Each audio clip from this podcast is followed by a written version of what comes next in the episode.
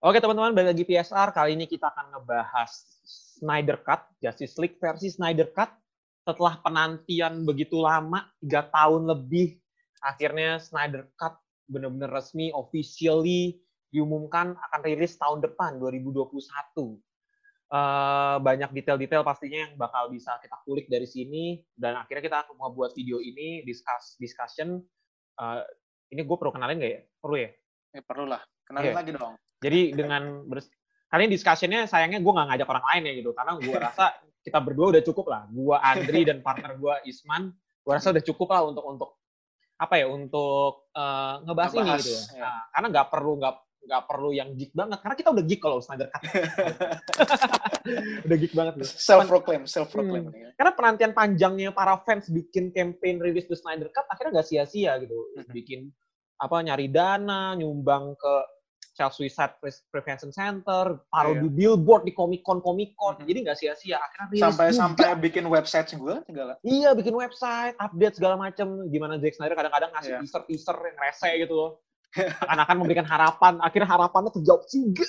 Untungnya kita nggak untungnya kita nggak jadi korban PHP, Hendrik. Betul. Akhirnya terjawab gitu di mana Snyder Cut Justice League versi original visionnya Zack Snyder rilis juga gitu. Sip. Kalau ini berarti berapa lama sih, Indri ya? Tiga tahun ya kita nunggu? Tiga tahun, 2017 atau 16 ya Justice League ya? Tahu gue tuh uh, 2000... Gua, gua, gua 2017 tuh inget, apa 16 gue lupa detail ya. Gue tuh ingetnya kan uh, pertama kali kan Justice League yang Snyder Cut itu. Bukan waktu itu kabarnya cuma Zack Snyder akan keluar dari produksinya Justice League. Itu sekitar tahun 2016. Oh, berarti 2017 rilisnya ya? 2017. Berarti sebenarnya 4 tahun, Dri, kita nunggu untuk ah, astaga, astaga, sedih banget ya. So, soalnya gue gue inget banget jadi tahun 2016 2016 kan masih produksi tuh. Lalu kemudian udah mulai muncul rumor-rumor kalau yang versi awal, versi Snyder Cut, yang versi uh, rough cut-nya, itu kalau menurut eksekutifnya Warner Bros. itu unwatchable. Nggak bisa ditonton, atau saking jeleknya gitu nggak bisa ditonton. Atau mereka takut aja, maksudnya lo tahu sendiri lah waktu itu Batman vs Superman kan ya penilaiannya jelek ya. Hmm. Gagal, nggak gagal-gagal banget di box office, cuman nggak sesuai harapan dan banyak yang kecewa dengan film tersebut. Dan akhirnya tuh yang bikin eksekutif Warner Bros mikir-mikir ulang ketika Zack Snyder ngasih uh, cut awal dari Justice League-nya sekitar dua setengah jam durasinya dan mereka mikir aduh ini nggak nggak bakal bisa dinikmati nih nggak unwatchable lah waktu itu yang gue lihat kutipannya di berbagai sumber. Terus akhirnya mereka minta tolong ke orang yang ikut mengembangkan MCU waktu itu adalah Joss Whedon. Dan waktu itu Joss Whedon setahu gue lagi ngembangin Batgirl, film Batgirl. Oh, itu gue baru tahu tuh.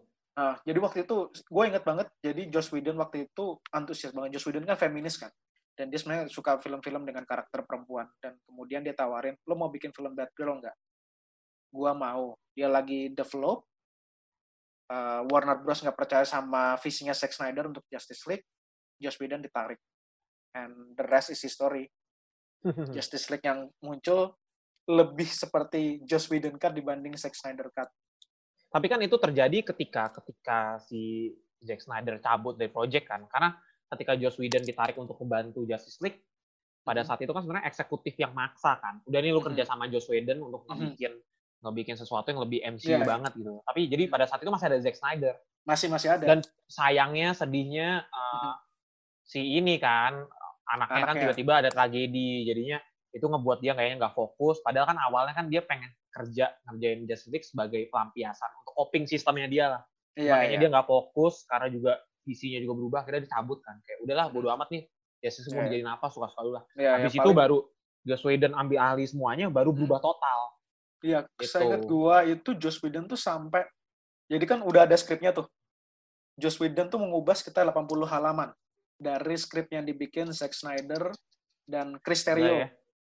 Chris Terrio kita tahu yang bikin Rise of Skywalker juga. Jadi gua kalau misalnya ada yang bilang Justice League waktu itu sebenarnya unwatchable, sebenarnya nggak nggak mustahil mustahil banget karena ada Cristerio di situ gue mikir Dan lo tahu Rise of Skywalker seperti apa kan hasilnya? Iya sih. Cuman ya gua kalau gua sebagai Zack Snyder, lo menghabiskan waktu lo untuk develop film tersebut dan kemudian diambil ketika film itu udah hampir tayang, gue sendiri sih juga pasti bakal marah dan gue akan bilang fuck it, ambil deh terserah mau lo apain. Iya iya iya iya. Cuman mungkin gue rasa kalau nggak kan sebenarnya gerakan dari fans itu baru muncul tahun 2017 kan. Setelah kayaknya setelah beberapa tahun, kayaknya setahun setelah uh, Justice League rilis gitu. Jadi memang kayaknya enggak sih setahu gue tuh masih di tahun yang sama. Jadi selisih beberapa bulan lah. Mas. Justice League kan Justice League kan sekitar November kan. Oke, iya, berarti iya, mungkin jadi iya, tahun kan? depannya lah. Tahun depannya 2018. Tahun depannya. Uh, uh, dan saat itu orang-orang udah pada tahu bahwa Zack Snyder keluar di akhir produksi, Joss Whedon merombak banyak dan sedikit banyak malah membuat Justice League ini rasa Joss Whedon. Gue nggak akan bilang rasa Avengers ya karena kualitasnya tidak sebanding dengan Avengers. Joss Whedon banget sih, yang paling Joss Whedon banget. jokes jokesnya lah. Jokesnya tuh one liner, quip-quipnya tuh sangat Joss Whedon. Hmm, Joss Whedon banget sih. Itu yang buat gue kayak, aduh udahlah pendekatan hmm. di situ bukan ke situ gitu loh. Iya. Tapi dibuat ke arah Marvel tuh jadi menurut gue ya Gak udah pas. gitu jadi tidak ada spesialnya. Iya karena jomplang banget kan dari Batman vs Superman, Man of Steel hmm. yang sangat dark, brooding, tahu-tahu ini barat kayak Thor Dark World tiba-tiba ke Thor Ragnarok gitu, berubah total, iya, rebranding. berubah total. Tapi, tapi rebranding sukses, jadi bagus. Uh -uh. Masalahnya rebranding jadi jelek. Betul, itu masalahnya.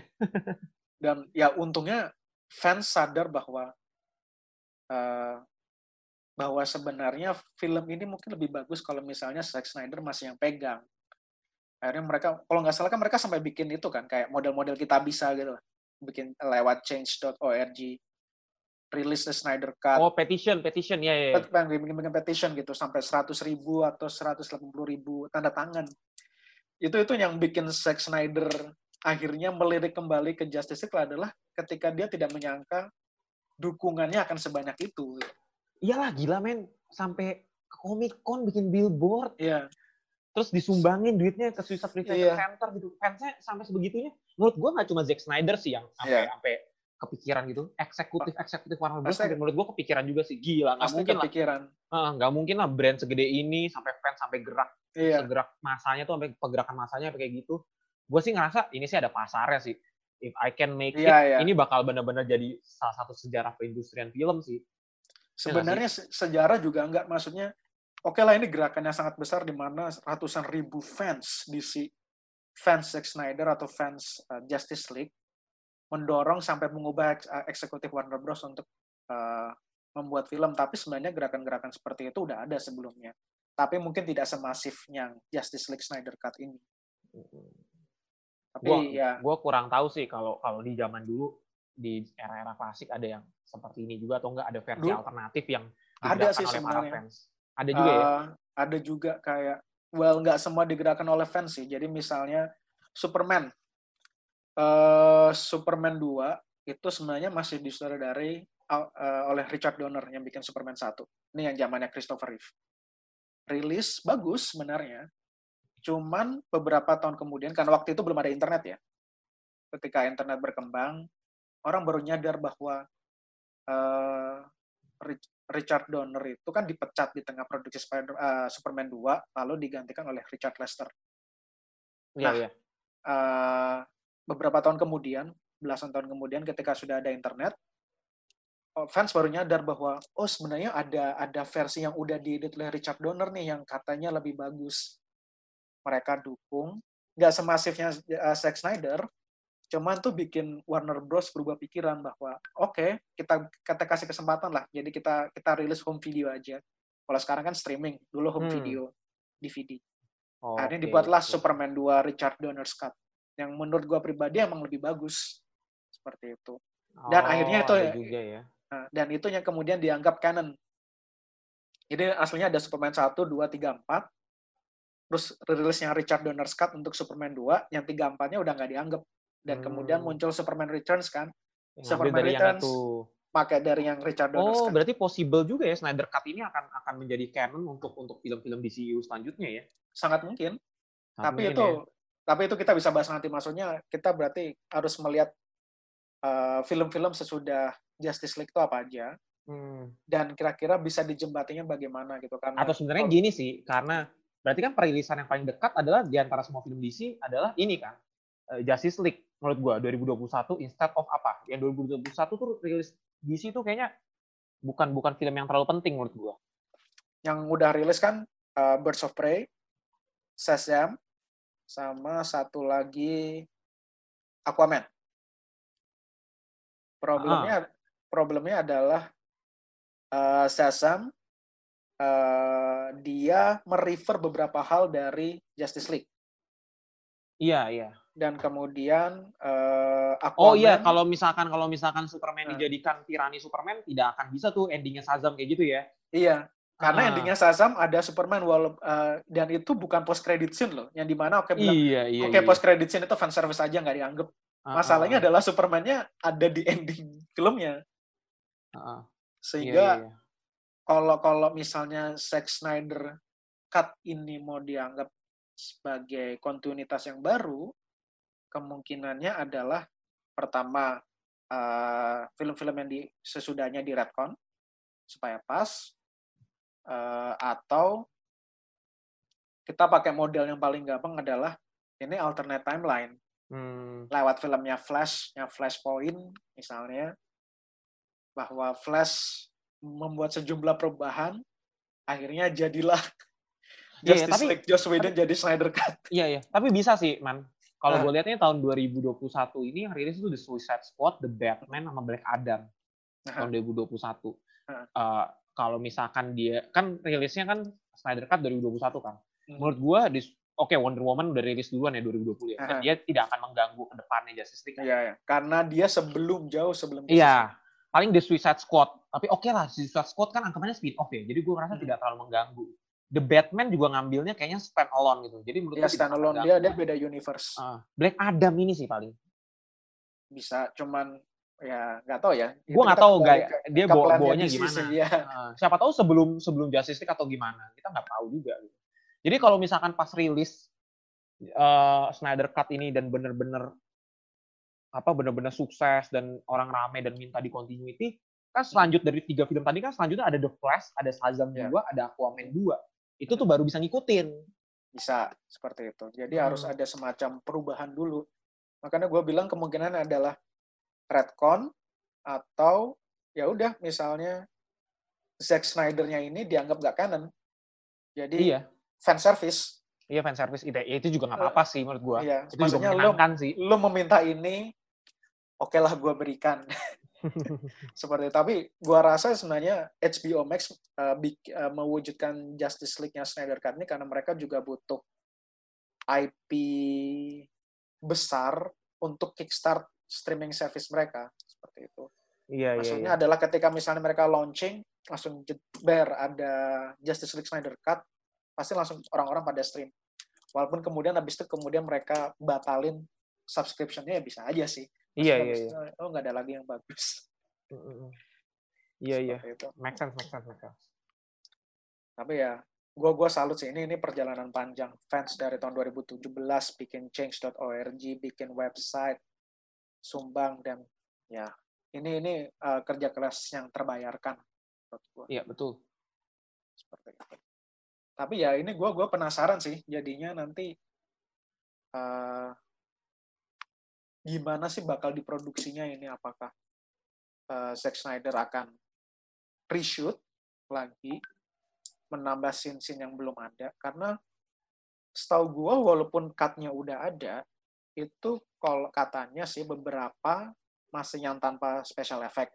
Beberapa masih pakai yang test screen. Hmm. atau belum apa tuh masih yang storyboard. Sehingga harus ada beberapa bagian beberapa bagian yang diproduksi Cuman gue nggak tahu apakah dia akan memanfaatkan film Justice League-nya Joss Whedon atau dia benar-benar reshoot mengumpulkan semuanya lagi. Walaupun itu pasti bakal challenging sih 2021. Sekarang lagi corona, mostly di Amerika orang-orangnya dan kita tahu Amerika kayak apa kondisinya mm -hmm. sekarang.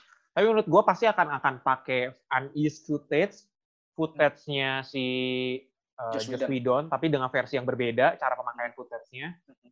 Uh, abis itu mereka akan nambahin additional fotografi which is adalah tambahan-tambahan shot Ya- yang nggak terlalu banyak makanya budgetnya cuma Iya. 10 sampai 20 juta yang ribet itu sebenarnya ngumpulin jadwal-jadwal original cast-nya menurut gue yang ribet Ya kayaknya bakal itu yang gitu. ribet dan nambah-nambahin misalkan voice actor apa segala macam yang mungkin Ya, kita ya. untuk keperluan ini itu mungkin agak ribet Yang terus kenapa mungkin- kenapa juga original crew juga dikumpulin kan karena menurut gue mungkin mereka udah dapet visinya di awal dari Iya. kru yang itu jadi gue nggak perlu ceritain lagi nih gue mau ngapain gitu. Makanya ngambil Itu original crew. buat buat efisiensi sih. Ah, Maksudnya ketika makanya biar pakai cepet. kru lain agak sulit juga. Nanti Ah, biar tahu-tahu tahun jadi depan. kelihatan beda gitu kan. tapi menurut gue tenang sih. Kalau mereka tuh berani ngumumin kayak gini menurut gue Mereka udah prepare pasti. iya gitu. Jadi nggak usah khawatir. Mereka udah mikirin ini jauh sebelum kita. Kayak kita mau bikin event nggak mungkin dong kita umumin kalau kita Iya, belum iya, siap dong gitu. Kan Iya benar. ya nggak sih? Uh, well, kenyataannya dulu DC ngumumin beberapa slate film mereka tanpa persiapan. Akhirnya cuma beberapa yang kewujud kan. Iya sih, itu ya karena Warner Bros rese aja sih pada saat itu. Pimpinannya rese eksekutifnya pada saat itu. Iya iya. Tapi gue percaya sih Sugihara yang ya. ini lebih oke sih. Ya, oke sih. gua, gua, gua rasa yang ini potentially akan lebih bagus seperti itu. Yang yang menarik sih ketika gua cek dan ternyata Zack Snyder sama sekali belum pernah nonton. Oh iya, iya Justice itu juga, gue juga baru tahu. Dia bilang, kayak gue juga belum nonton yang versi theatrical cut sih, jadi gue Iya. nggak tahu bedanya di mana nih versi gue. Iya. Cuman cuman dia berkeyakinan bahwa film yang udah tayang itu cuman seperempat dari buatannya dia. Jadi Zack Snyder itu bikin dua versi Snyder Cut. Jadi ini yang kita uh, mungkin banyak orang belum tahu. Dia bikin dua versi. Versi pertama itu yang durasi 4 jam. Yang buat dia adalah versi buat gua pribadi. Heeh. Jadi dia bilang, oke uh, ini film gua, gua bikin cut yang khusus buat gua sendiri, 4 jam. Terus dia pikir 4 jam nggak mungkin bakal diterima oleh uh, eksekutif Avengers Endgame aja sekitar tiga setengah jam atau tiga jam kan, 4 jam itu kelamaan. Akhirnya dia bikin dua setengah jam, dia pangkas satu setengah jam, dia kasihin dua setengah jam. Itu yang kemudian dibilang oleh uh, eksekutif unwatchable, sangat masuk akal.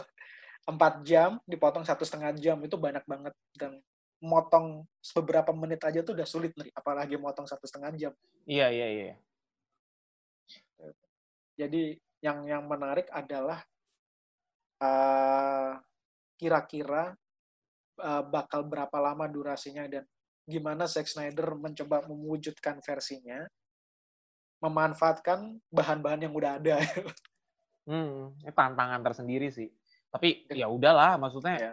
gua rasa eh, ini bisa dibilang passion project juga ya, dan gua Iya. rasa karena karena dia udah tahu mau dibawa ke mana, tim-timnya juga udah ngerasa oke ini bukan gue nyari profit tapi karena gue Iya. pengen nyelesain sesuatu yang seharusnya jadi lebih baik for the sake of portfolio mungkin ya bagi setiap case-nya kali. Karena ada Atau- Henry Cavill kemarin, Iya, eh iya. kemarin kan pas Quarantine ya Plus dia Man of gitu. Steel ya Heeh. atau Jadi- for the sake ngucapin terima kasih ke fans bahwa Mm-mm. ya dia mereka membantu Zack Snyder untuk keluar dari masa-masa sulit Heeh, karena kayak yang begini-begini tuh bukan masalah untung-untungan aja maksudnya kayak udah bukan masalah gue kayak butuh income lebih atau apa tapi lebih kayak karya gue ini akan akan menjadi sesuatu brandingnya tuh akan kena gitu maksudnya kelekatannya tuh sama gue tuh bakal Ya. impact ke depannya gitu karir gue tuh akan bergantung sama karya gue makanya dulu mereka tuh ngebela-belain karyanya ini untuk bisa jadi lebih baik lagi supaya ya buat karir mereka ke depannya ya lebih baik lagi of course gitu. Makanya gue Iya. rasa mereka sangat willing banget untuk mau balik lagi untuk ngerjain ini sih ketika Iya.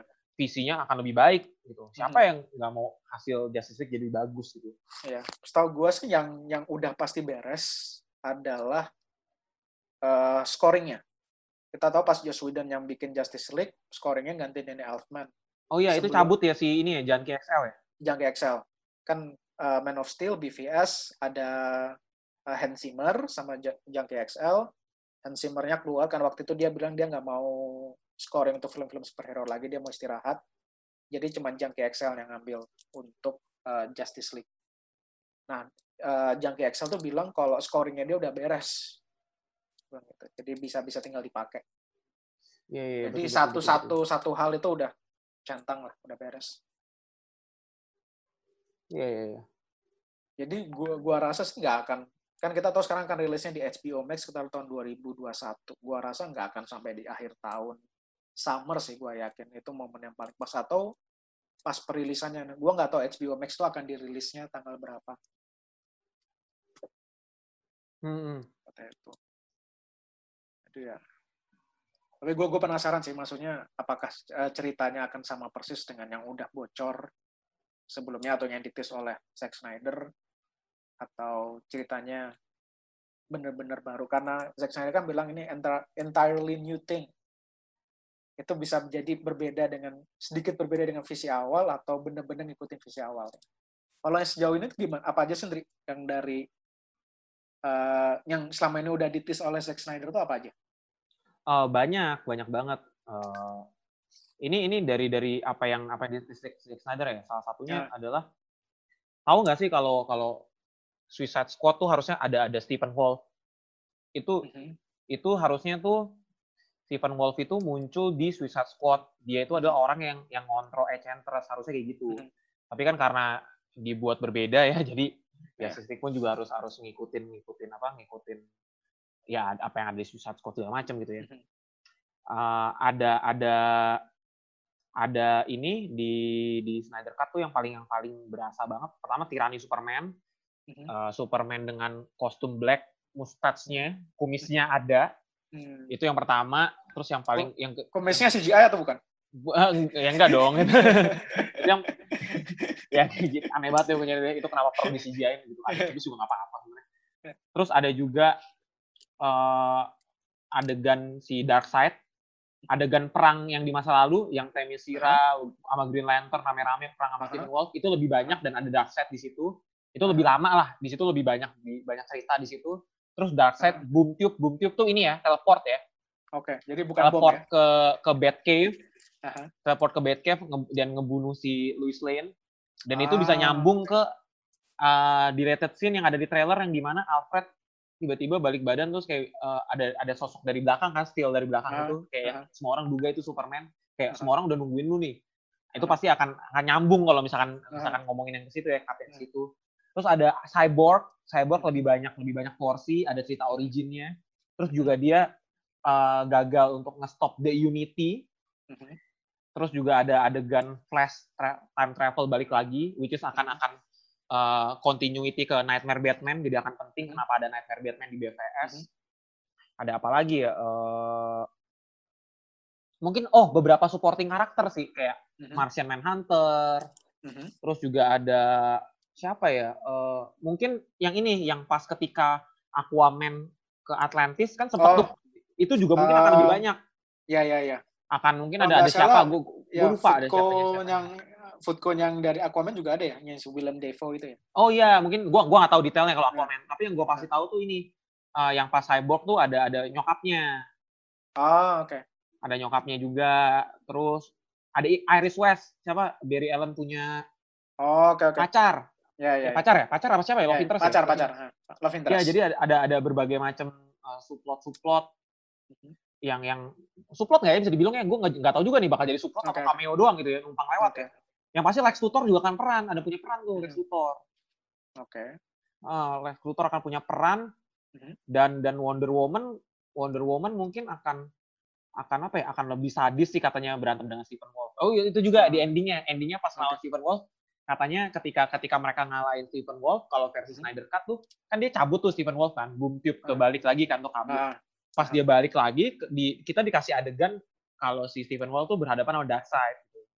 Oh, Terus okay, yang ngebunuh okay. Stephen Wall tuh ya, ya dihabisin Darkseid karena gagal itu. Oke gitu. oke. Okay. Jadi mas, mas. ada ada banyak banget sih yang berubah gitu. Terus oh, anti life equation. Mm-hmm. Bagaimana bagaimana Darkseid bisa mempengaruhi Superman? Gua nggak tahu apakah itu ditunjukkan di Justice League apakah atau itu cuma idenya untuk Justice League 2.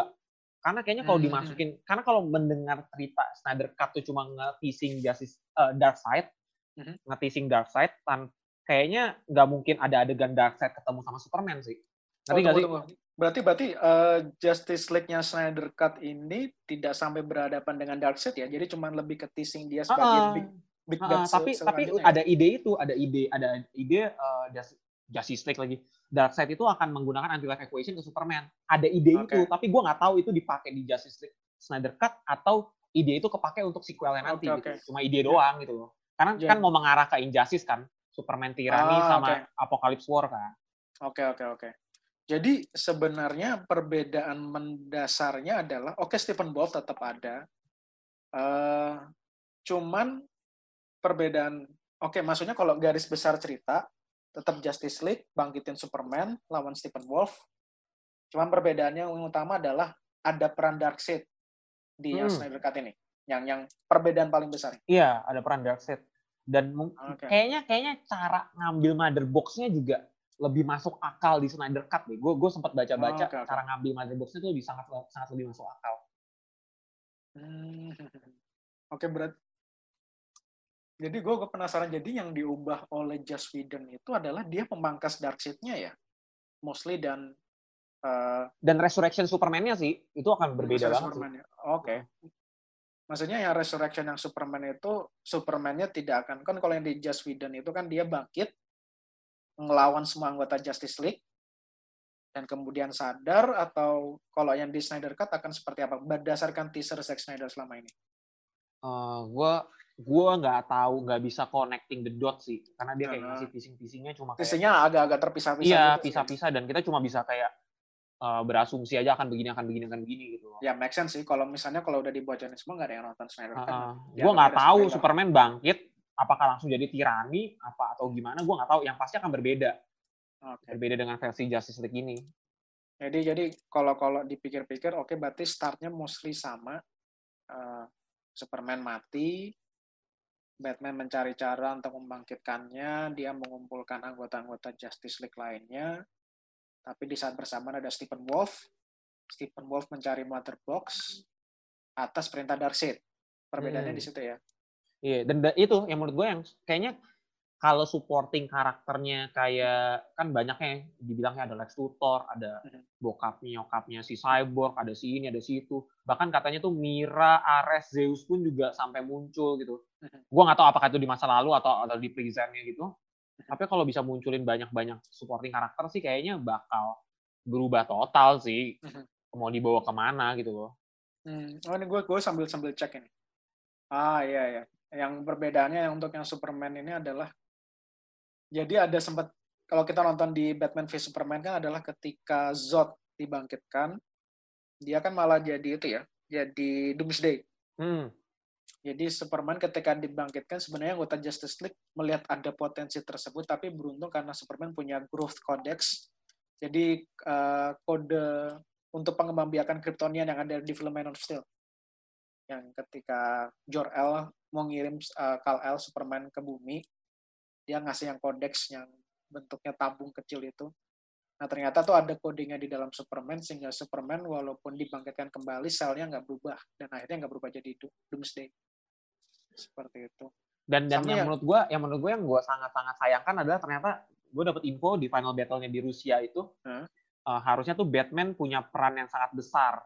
Maksudnya Hmm. punya punya peran lebih lah porsinya. Iya. Kesannya kan kalau di sini kan gue kerasa Batman tuh sia-sia banget. Dan Iya, dia iya. kesannya kalau di Justice League ya, Eh, Batman tuh jadi kayak superhero without preparation. Iya iya iya. Berbeda sekali dengan yang selama ini gue kenal. Batman sangat Iya. prepare banget gitu. Batman yang- tuh itu yang membuat- yang di ba- di dalam rencananya ada rencana lain tuh Batman itu. Heeh, itu kan Batman banget kan. Kesannya Iya. kalau di Justice League kayak lu nggak bantuin juga gue akan jalan nih. Gue nggak mau Iya, tahu, iya. gue nggak tahu apa yang terjadi. eh, Iya. Pokoknya gue gaspol. Jadi kayak kayak Captain Amerika banget ngerti gak sih maksud gue? Patriotik Iya, banget iya, gitu. iya, Ini iya, Batman iya, tuh nggak kayak gitu. Kalau Batman Iya, yang gue tahu ya, gue akan jalan terus nih. Tapi dia tahu teman-teman gue pasti akan nolong. Kalau Batman yang gue tahu kayak gitu, Iya. itu Batman yang gue tahu gitu. Dia Kalau dia Batman- sengaja kayak gitu untuk ngebangkitin teman-temannya supaya punya rasa pengen nolong segala macam. Ya, itu Batman yang gue tahu. Yang Batman kita tahu kan adalah dia yang benar-benar well prepared. Dia sangat-sangat mem- eh, mempersiapkan semuanya dan bahkan dia mem- sampai menyiapkan skenario-skenario di mana kalau salah satu dari anggota Justice League jadi musuh. Iya, Se- iya. Segitu segitu siapnya seorang Batman. Heeh, itu itu yang sayang. Nah, begitu si di begitu dapat seperti informasi itu ya. kalau misalkan akan punya peran besar kan berarti action termasuk action sequence-nya Batman akan lebih oke dong. Ya, ya. Boleh dong gue berharap warehouse scene akan terulang lagi di final battle Iya, Rusia iya, iya. dengan para demons. Bayangin gitu. Ya, Ini kemarin lawan orang sekarang sama para demons itu pasti bakal gila lagi sih. ya. apalagi dia Jadi- manusia biasa gitu. Heeh, Makin gitu jadi jadi akan ngelihat kelihatan dia berguna banget lah gitu. Mhm. Gitu loh. Jadi eh, yang gua gua menarik dari tadi yang penjelasan lu tuh yang itu Indri apa bahwa Louis uh, Darkseid Boom Tube ke Batcave ya kalau nggak salah ya. Ah, Jadi Batcave. kemudian membu- membunuh Louis Lane ya. Ah, ah. Jadi itu yang kemudian jadi pemicu uh, nightmare yang ada di Batman v Superman bahwa Hmm. Superman menjadi tiran kena anti life equation dan kemudian dialah yang memimpin Oke, basically yang menghancurkan bumi. Iya sih. ya gitu lah kurang lebih lah. Hmm, Itu itu, itu seben- yang menurut sebenarnya trigger, trigger paling berbeda banget di Snyder Cut gitu. Jadi Ya, kalau ya. itu ya itu itu yang akan ngebawa ke Nightmare Batman kan. jadi Justice League-nya Snyder Cut itu sebenarnya sangat-sangat depresi ya sebenarnya ya. Pasti lebih Eh, gelap dari BVS sih menurut gua sih. Iya, maksudnya adalah eh, Justice League yang Joss Whedon kan sangat hopeful kan, happy Hmm. ending. Diakhiri dengan pembentukan Justice League secara resmi, di mana eh, Bruce Wayne memakai Wayne Manor tua sebagai basisnya mereka yang baru. Sementara kalau kita lihat penjelasan atau teaser-teasernya Zack Snyder, eh, Justice League versinya dia, mostly itu sangat dark di mana ada yang mati, ada nightmare, ada tirani, ada anti-life equation, ada Darkseid yang mostly nggak ada berita bagusnya sama sekali. Yang pasti menunjukkan adalah bahwa Justice League satu itu kayak permulaan dari mimpi buruknya lebih panjang seperti itu. Iya iya iya. Iya, gua gua gua nggak tahu sih Justice League. 2 dan 3 tuh akan dibawa ke mana. Tapi yang pasti uh, Apocalypse War, Injustice sih akan akan akan ini sih. Akan jadi referensi, Jadi referensi utama. ceritanya ya. Nah, jadi referensi utama. Gitu. Cuma bedanya kalau yang di Injustice itu pembunuh Louis Lane-nya adalah Superman Joker. sendiri ya kalau nggak salah. Joker tau gua. Oh, enggak enggak, seingat gua jadi eh, Joker itu pakai gas halusinasinya Scarecrow dan kemudian membuat Superman mengira dia membunuh Joker, tapi sebenarnya yang dia bunuh adalah Louis Lane. Oh iya iya, iya. oh makanya iya, iya, iya sense. Maksudnya kalau kalau misalnya itu yang dipakai oleh Zack Snyder pasti lebih up lagi. Iya ceritanya. sih. Maksudnya dibunuh oleh Darkseid, oke lah masuk akal berarti lo tahu Big Bad-nya siapa, tapi Superman bunuh Louis Lane dan kemudian bisa jadi Justice League eh, Justice League 2 anggota Justice League melawan Superman itu itu pasti lebih lebih stres lagi. Iya iya iya iya. Iya memang memang menarik gitu. Cuma nggak tahu deh ya gimana ya. Masih banyak masih banyak kepingan-kepingan yang perlu disusun sih di, di Snyder Cut yang gue belum Iya. tahu mau dibawa ke apa. Tapi dengan Ya, ide big itu aja udah sangat membuat gue kayak penasaran mau dibawa ke mana sih Snyder Cut nih. Iya. Bakal kayak Maksudnya gimana kita- nanti kita- sih visualisasinya gitu. Iya, maksudnya ini ceritanya jadi sangat Zack Snyder sekali. gitu. Kita ngeliat Mm-mm. Man, uh, Man of Steel dan Batman v Superman karena Zack Snyder kan sebenarnya memvisikan bahwa Man of Steel, Batman v Superman basically adalah prototype dari Justice League kan. Itu itu Mm-mm. fondasi awal. Gue gue jadi penasaran kalau kalau Zack Snyder eh, Zack Snyder Cut ini dibikin, oke kita tahu ini dibikin. Lalu nasibnya Justice League 2 gimana? Ah itu juga ya udahlah gitu. gue juga nggak tahu sih. Bahkan sampai sekarang pun Justice League 2 juga tidak ada informasi kan. Mereka masih Iya. sibuk untuk bikin standalone standalone dan spin-off spin-off yang kurang penting Iya, gitu loh, menurut gue. Eh, karena sukses di situ instead of mereka bikin tie-in juga kan. Mhm.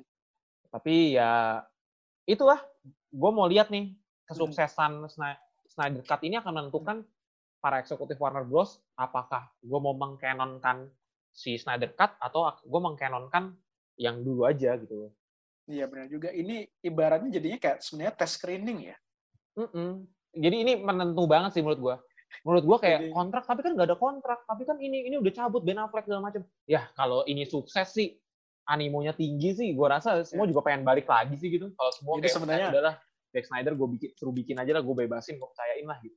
Jadi sebenarnya nasib DCU itu berada di tangan Snyder Cut ini. Kalau ini Kurang lebih berhasil, gitu. Cuman-cuman masalahnya adalah situasi Warner Bros dan slate-nya DC sekarang udah jauh berbeda dengan dulu di mana mereka fokus ke film standalone dan uh, mereka mengacu pada Justice League-nya Joss Whedon. Jadi gua nggak tahu uh, gimana cara DC nantinya mengconvince yang penonton awam atau mainstream bahwa ini cerita yang baru. Tapi mungkin nggak sulit sih ya.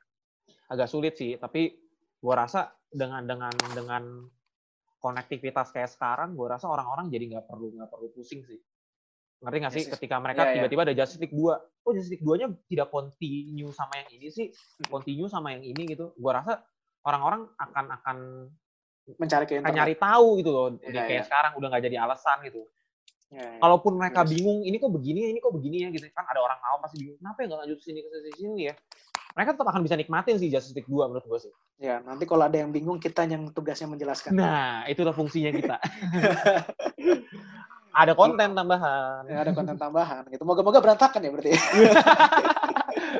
Berantakan dapat konten, bagus juga dapat konten ya. Benar ya sih. Ya, kita berharap yang terbaik.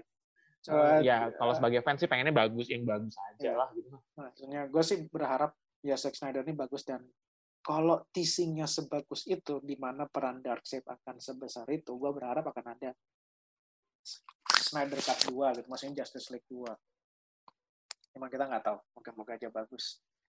Nah, permasalahannya adalah kalau kita mikir Justice League Snyder Cut ini bakal bagus atau enggak, oke lah, ini akan lebih bagus dibanding yang Joss Whedon. Tapi apakah akan jadi film Justice League yang bagus? Nah, in terms of quality overall, itu masih masih tanda tanya sih. Kalau kalau menurut lo sendiri gimana, Dri? Bakal bagus atau enggak? Eh, susah ya. Mhm. Kalau ngebuat sesuatu nggak nggak maksudnya sesuai ada plan gitu ada grand plan Iya.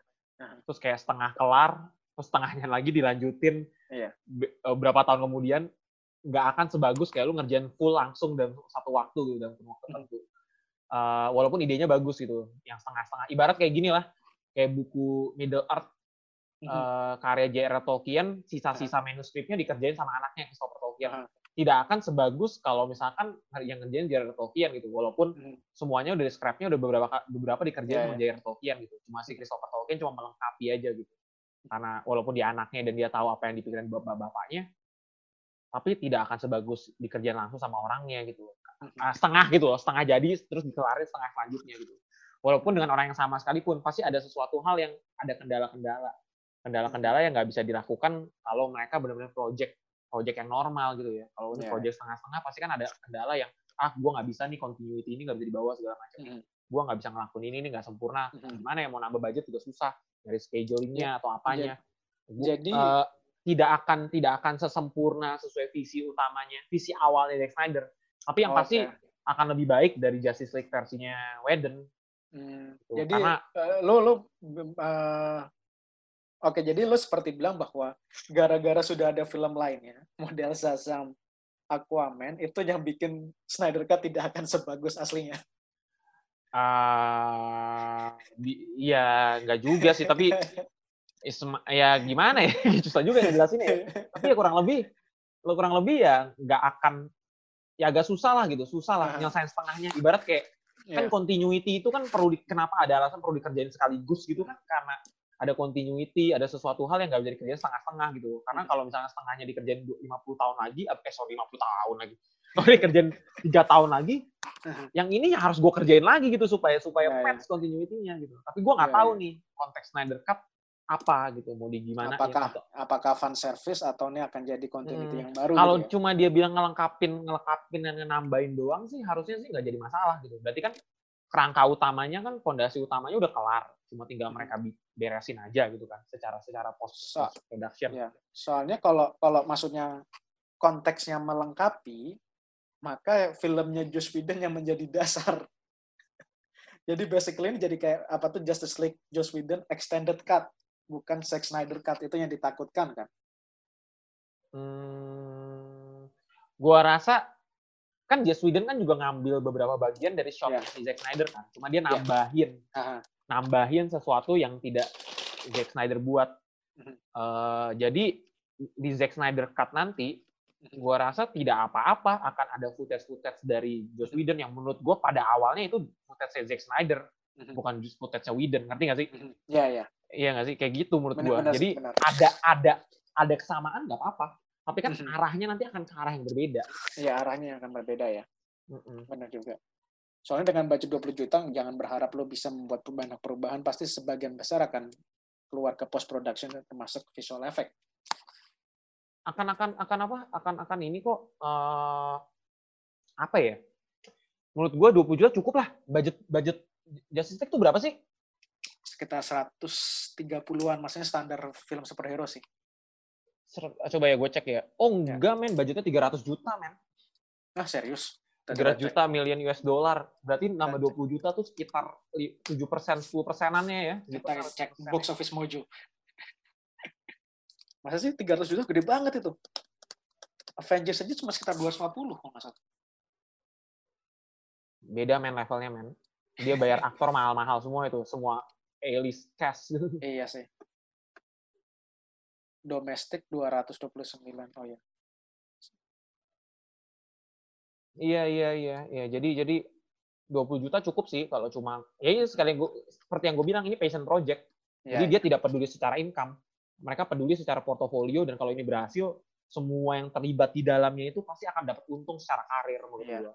Jadi value-nya tuh sampai aset ke depan lah gitu. Ada aset gitu. Tapi kalau lu melihatnya ini sebagai filmnya Zack Snyder, lu sendiri akan melihat film ini bakal bagus nggak? Misalnya ketika lu membandingkannya dengan gaya direksinya Zack Snyder selama ini. Susah ya, mungkin agak-agak bakal agak subjektif ya karena gue suka sama semua karyanya Zack Snyder gitu. Kayak eh, Watchmen yang banyak orang-orang Hmm. nggak suka sebenarnya kan karena berbeda sekali dengan ini gue suka gitu misalkan. Terus apa lagi? 300 300 yang kedua tuh Zack Snyder juga nggak? Oh bukan, yang Rest of Empire bukan Zack Oh bukan Snyder. ya, bukan Zack Snyder. Ada ada filmnya Zack Snyder yang banyak orang nggak suka apa ya? Eh, Yang tapi gue malah orang- suka. Oh BVS aja susah banget. BVS aja gue suka gitu. Soalnya kalau gue pribadi suka ke- beberapa karya eh, Zack Snyder. Eh, problem gue lebih ke dia itu kesulitan membuat cerita yang ringkas. Sehingga selalu kecenderungannya adalah dia bikin versi extended. Watchmen, udah udah lihat yang Ultimate Cut, Hmm. 4 jam. Iya iya iya dia dia tuh lupa kalau platform dia tuh cuma maksimal tuh dua setengah jam Ya, ya nggak sih? Jadi kayaknya dia tipikal sineas yang ketika buat film adalah ini gue pengen bikin film yang bisa gue nikmatin sendiri dulu. Yang Jadi idealis gitu ya. Sangat-sangat personal gitu. Uh-uh. Makanya kita Oh. kita bisa bilang bagus karena kita nikmatin sampai Iya. yang 4 jamnya itu. Tapi kalau kita ambil angle yang theatrical Iya. mungkin agak susah gitu. Agak Makanya susah. kesuksesan kesuksesannya tuh berdasarkan apa? Kalau berdasarkan pendapatan atau berdasarkan orang awam suka nonton, gue setuju Zack Snyder mungkin akan gagal. Tapi kalau secara kualitas whole filmnya akan whole, lu harus consume whole gitu. Nah, Itu mungkin berhasil. Dan mungkin Iya. streaming service adalah cara yang tepat gitu. Iya, iya. The Irishman tidak mungkin sukses kalau dirilis theatrical. Iya, 4 jam. Secara Berarti- pendapatan ya, dan iya, orang iya. awam ya. Tapi begitu ditaruh di Netflix, semua orang suka. Iya. Karena tidak ada batasan-batasan. Gue nonton harus mm, harus standby di depan TV tiga setengah jam gitu. mereka mungkin bisa ketika terpisah-terpisah. Ah, ah. mungkin ketika nanti dirilis di HBO Max itu mungkin adalah solusi orang tuh nggak perlu lagi yang namanya yang namanya harus duduk dua setengah jam pokoknya nonton maksimal iya. batas bioskop Benar, secara psikologikal gitu. Iya, Makanya iya. si si Toby Emirates bilang kan, Toby Emirates eh, karena streaming service hal ini bisa terjadi gitu. Iya. Hal yang ingin dilakukan ini bisa terjadi. Jadi lu mau bikin 6 jam, 4 jam, ya bodo amat.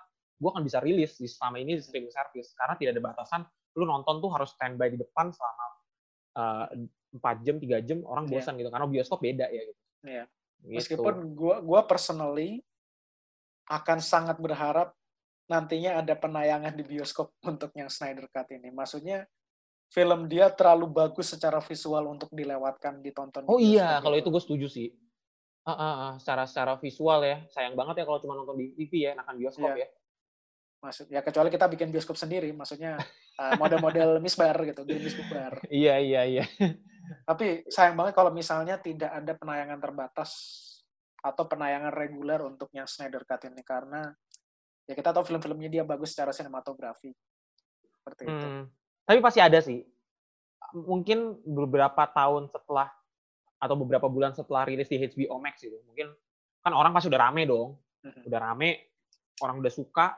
Ya udah rilis lah, kita coba deh, kita coba bikin versi kayak nobar-nobar yang eksklusif atau gimana gitu. Oke, Walaupun oke. mungkin nggak nggak nggak akan nggak akan memancing orang banyak karena udah pada nonton di streaming service, tapi setidaknya memuaskan secara visual gitu. Iya. Ada cinema experience-nya gitu kalau di Iya. bioskop langsung. Empat jam, empat jam deh gue hajar deh. Iya, gitu. iya. Iya bisa sih. Eh, maksudnya waktu itu gue berkaca dari Netflix punya The Irishman dan mereka hanya menayangkan The Irishman di bioskop secara terbatas karena waktu itu kan pertimbangan adalah Martin Scorsese hanya mau membuat Irishman asal dia sempat ditayangkan di bioskop. Gitu. Harapannya Zack Snyder bisa membujuk eksekutif HBO Max bahwa please film ini tolong diberi kesempatan untuk tayang di bioskop mau terbatas ataupun reguler. Harapannya begitu. Iya, iya. Tapi ya kalau 4 jam ya mungkin butuh intermission kali Andre. Film India 4 jam aja ada yang nonton kok. iya sih. Pasti sih menurut gua kalau bagus banget uh, akan akan selalu ada audiensnya sih. Ya. Dan yang okay lah. aja ada audiensnya ya. kok, masa yang kayak begini nggak ada audiensnya. Ya. Waktu The Irishman nggak ada ya di sini Andre ya? The penayangan Irishman dia. tuh cuma penayangan penayangan ini, penayangan yang eksklusif aja, jadi nggak nggak rilis secara reguler di teater. Maksudnya di Indonesia ada? Nggak rilis di bioskop ya, cuma penayangan reguler. Tapi official. Iya, maksudnya berarti sempat-sempat tayang di bioskop sekali. Oh, enggak, enggak. enggak, Oh, enggak. Oh, Oke. Okay. Soalnya pas-pas gua masih di Inggris, The Irishman itu ditayangkan di bioskop, tapi cuma di momen festival. Waktu itu gua di Oh, bahkan nggak masuk, nggak masuk ini ya, nggak masuk ke bioskop yang mainstream ya? Uh, masuk, tapi cuma bentar banget. Oh, karena enggak. kebutuhan ini kan, kebutuhan Oscar kan? Kebutuhan Oscar. Jadi waktu itu yang gue tahu pas gue masih di Inggris, The Irishman itu tayang di British Film Festival, terus di kota gue di Leeds, Leeds International Film Festival, kemudian dia baru tayang reguler, meskipun cuma sekitar satu dua minggu. Habis itu hilang.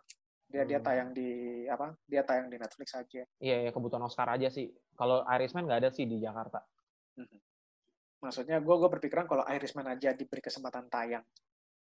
Uh, misalnya Netflix Indonesia membuat kesempatan nonton bareng di Irishman maka hal itu bisa dilakukan untuk Justice League hmm. yang durasinya 4 jam seperti itu. Sayang itu, sih kalau kalau Netflix menurut gue agak susah ya karena company-nya nggak nggak ada base di, di Jakarta atau di Indonesia.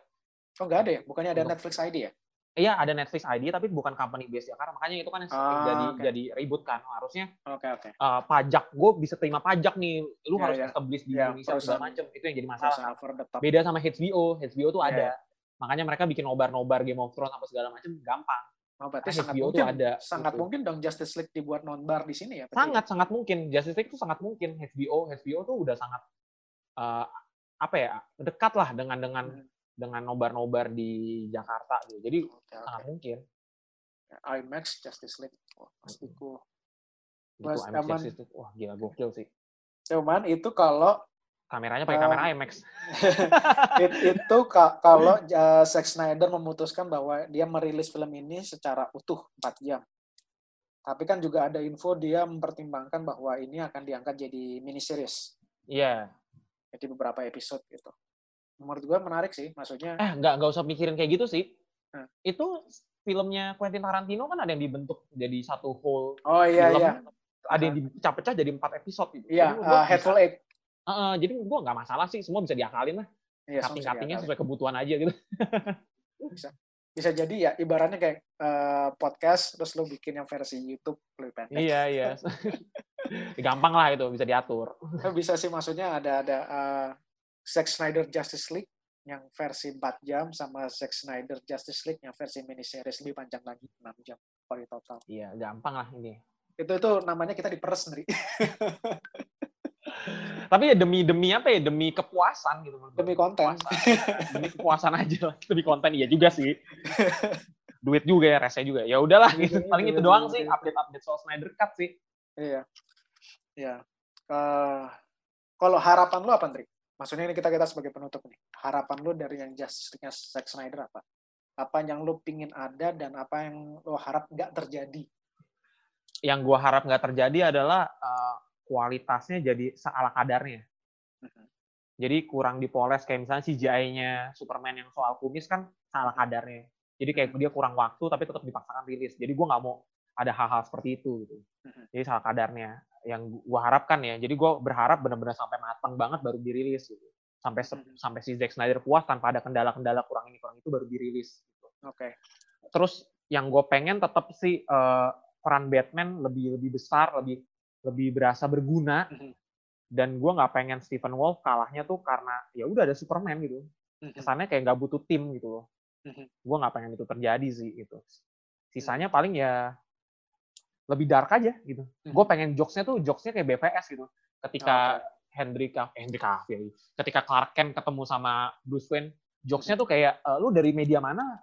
Hmm. Media yang udah gue pernah gue beli ya gitu. Itu kan sebenarnya dia ngomong serius tapi gue gue Iya. gue ketawa gitu Iya. kayak parah gitu. Maksudnya Jokes-jokes segampang yang kayak itu gitu, Bruce gitu. Wayne untuk membeli membeli perusahaan. Eh, kayak kayak kayak jokes jokes yang kayak eh, dia teman lu ya? Gue pikir dia temen lu gitu. Itu iya. jokes jokes yang kayak gitu. Ya, gue pengen lebih yang kayak gitu sih. Instead of yang jokes-jokes yang lawak banget. Ala-ala Whedon gitu. kalau gua pribadi yang harap yang gua harap ada uh, teamwork. Itu gua gua hampir sama seperti lo jadi gua berharap Justice League kan kemampuannya beda-beda anggotanya. Ada yang uh, Flash dengan kecepatannya Cyborg yang artilerinya banyak. Uh, Superman Batman yang uh, sangat ahli strategi. Gua berharap mereka ber berenam ya Berenam. berenam bisa saling berlima melengkapi ya. satu sama lain karena itu hal yang berhasil ditunjukkan di Avengers tapi gagal ada di Justice League bahwa ketika mereka sendiri-sendiri mereka nggak akan nggak akan bisa menang tapi ketika mereka bersatu mereka bisa menang ya bineka tunggal ika lah Iya iya iya. itu ya itu sih yang diharapkan kan dari assemble kan. ya, ya. Bukan Jadi kerja sendiri-sendiri ya. itu. jadi Batman sebagai yang benar-benar uh, Leading. the, uh, the brain-nya the big Mm-mm. brain-nya dia yang leading Superman-nya sebagai muscle-nya Flash-nya kemudian untuk yang sebagai kayak disruptornya lah dia dengan kecepatannya mengacaukan segalanya dan kemudian Wonder Woman dan uh, Aquaman yang jadi kayak penyerangnya gitu atau tankernya lah gitu. ini ini kayak lagi main game ya ada tankernya segala ada carry ada tanker ada support Iya iya, tapi gue ngerti lah intinya intinya Ya. kerjasama lah gitu. Cyborg yang bagian-bagian ngurusin menyelesaikan mother box dan segala macam kan. Jadi Ya. sebenarnya kan melindungi cyborg kan kalau misalnya Ya. Final War itu kan. ya kayak kayak yang di Avengers 1 itu yang Captain America bilang eh, Iron Man tugasnya adalah memastikan tidak ada eh, Chitauri yang keluar sampai beberapa blok. Jadi setiap ada yang mau keluar dia harus membelokkan mereka balik ke dalam. Hawkeye untuk apa tuh berdiri di posisi tertinggi dan melihat pergerakan-pergerakan, memetakan situasi seperti apa. Lalu kemudian Thor yang apa Thor dan Hulk yang memberikan dampak terbesar, serangan terbesar dan Captain America yang jadi big brain-nya, dia yang jadi ahli strateginya dibantu oleh Black Widow. Gue berharap yang seperti itu ada di Justice League. Mm-mm. Sama Ya, sat- satu lagi sih paling yang ke- kelihatan nggak ada di versinya Joss Whedon adalah civilian-nya. Bahwa untuk peristiwa sebesar Justice League, kita cuma melihat dampaknya itu hanya berpengaruh kepada yang satu keluarga kecil di Rusia itu. hmm. Maksudnya Ada adalah sih yang di bawah Superman satu gedung sih, tapi itu kayak jokes Ya, aja ya. gitu. cuman scope-nya tuh jadi nggak berasa karena ketika kita lihat Battle of New York di Avengers kita ngeliat bahwa ada beberapa orang yang nyawanya terancam. Gue pingin Justice League benar-benar terlihat sebagai orang yang melindungi warga gitu, seperti itu. Bahwa mereka berusaha keras karena harus ada yang mereka lindungi. Tapi dengan impact yang dilakukan di BVS ya. Oh, sorry, bukan BVS. Di Man of Steel ya. Mhm. Kehancuran-kehancuran, nabrak tembok, ngancurin ini itu, itu kayaknya benar-benar tidak pandang bulu kayaknya. Yang, makanya itu itu yang yang gue sangat sayangkan dari uh, filmnya Zack Snyder yang Man of Steel dan Batman vs Superman bahwa mereka sangat terlalu fokus untuk menghajar penjahat, tapi mereka tidak melihat bahwa sebenarnya di sekeliling mereka ada banyak orang-orang yang innocent. Itu apakah uh, lu sebagai superhero tugas lu adalah melindungi mereka sebenarnya? Apakah lu tidak mencoba melindungi mereka? Mm-mm. Kemudian sayangnya adalah jawaban mereka adalah ya udahlah, civiliannya dihilangin aja sekalian. Jadinya Iya. di Justice League malah nggak kelihatan nggak ada civilian kan, jadi dampaknya jadi ibaratnya kayak Justice League tidak ada beban gitu untuk bekerja, cuman menurut gua jadi aneh. Iya, iya, iya, iya. Jadi Oke lah. ada ci- civilian. Oke, Yang- gue yang rasa itu aja cukup sih untuk menutup pembicaraan kita soal Snyder Cut karena belum ada info baru lagi gitu yang bisa belum kita ada info baru lagi. Nah, mungkin nanti ke depannya bakal lebih banyak lagi gitu. Mhm. Kita nggak tahu nih dalam waktu 2021 eh, kita juga nggak tahu ya rilis 2021 bulan apa ya. Belum tahu sampai sekarang. Kalau misalkan kita ambil kesimpulan bulan Desember akhir tahun, Anjir, itu kita tahun, punya waktu berapa bulan aja. tuh? Eh, kita sisa waktu sekarang ada tujuh bulan. Kalau kalau kalau 12 bulan, berarti Desember satu setengah tahun. Satu setengah tahun ya gitu ya. Jadi ya dalam satu setengah tahun ya kira-kira masih ada lah info-info di Oh. tengah-tengah yang ditambahin. Oke sih. Bisa. Paling gitu aja. Thank you teman-teman udah dengerin, Hmm. udah nonton. nggak mm-hmm. mungkin nonton ya pasti dengerin ya kalau podcast ya, ya. akhir ya. ya sudah termasuk udah dengerin dan nonton. Nah, Oke okay, teman-teman, uh, thank you udah dengerin sampai akhir. Akhir kata play it, don't stop, just rewatch. Cut.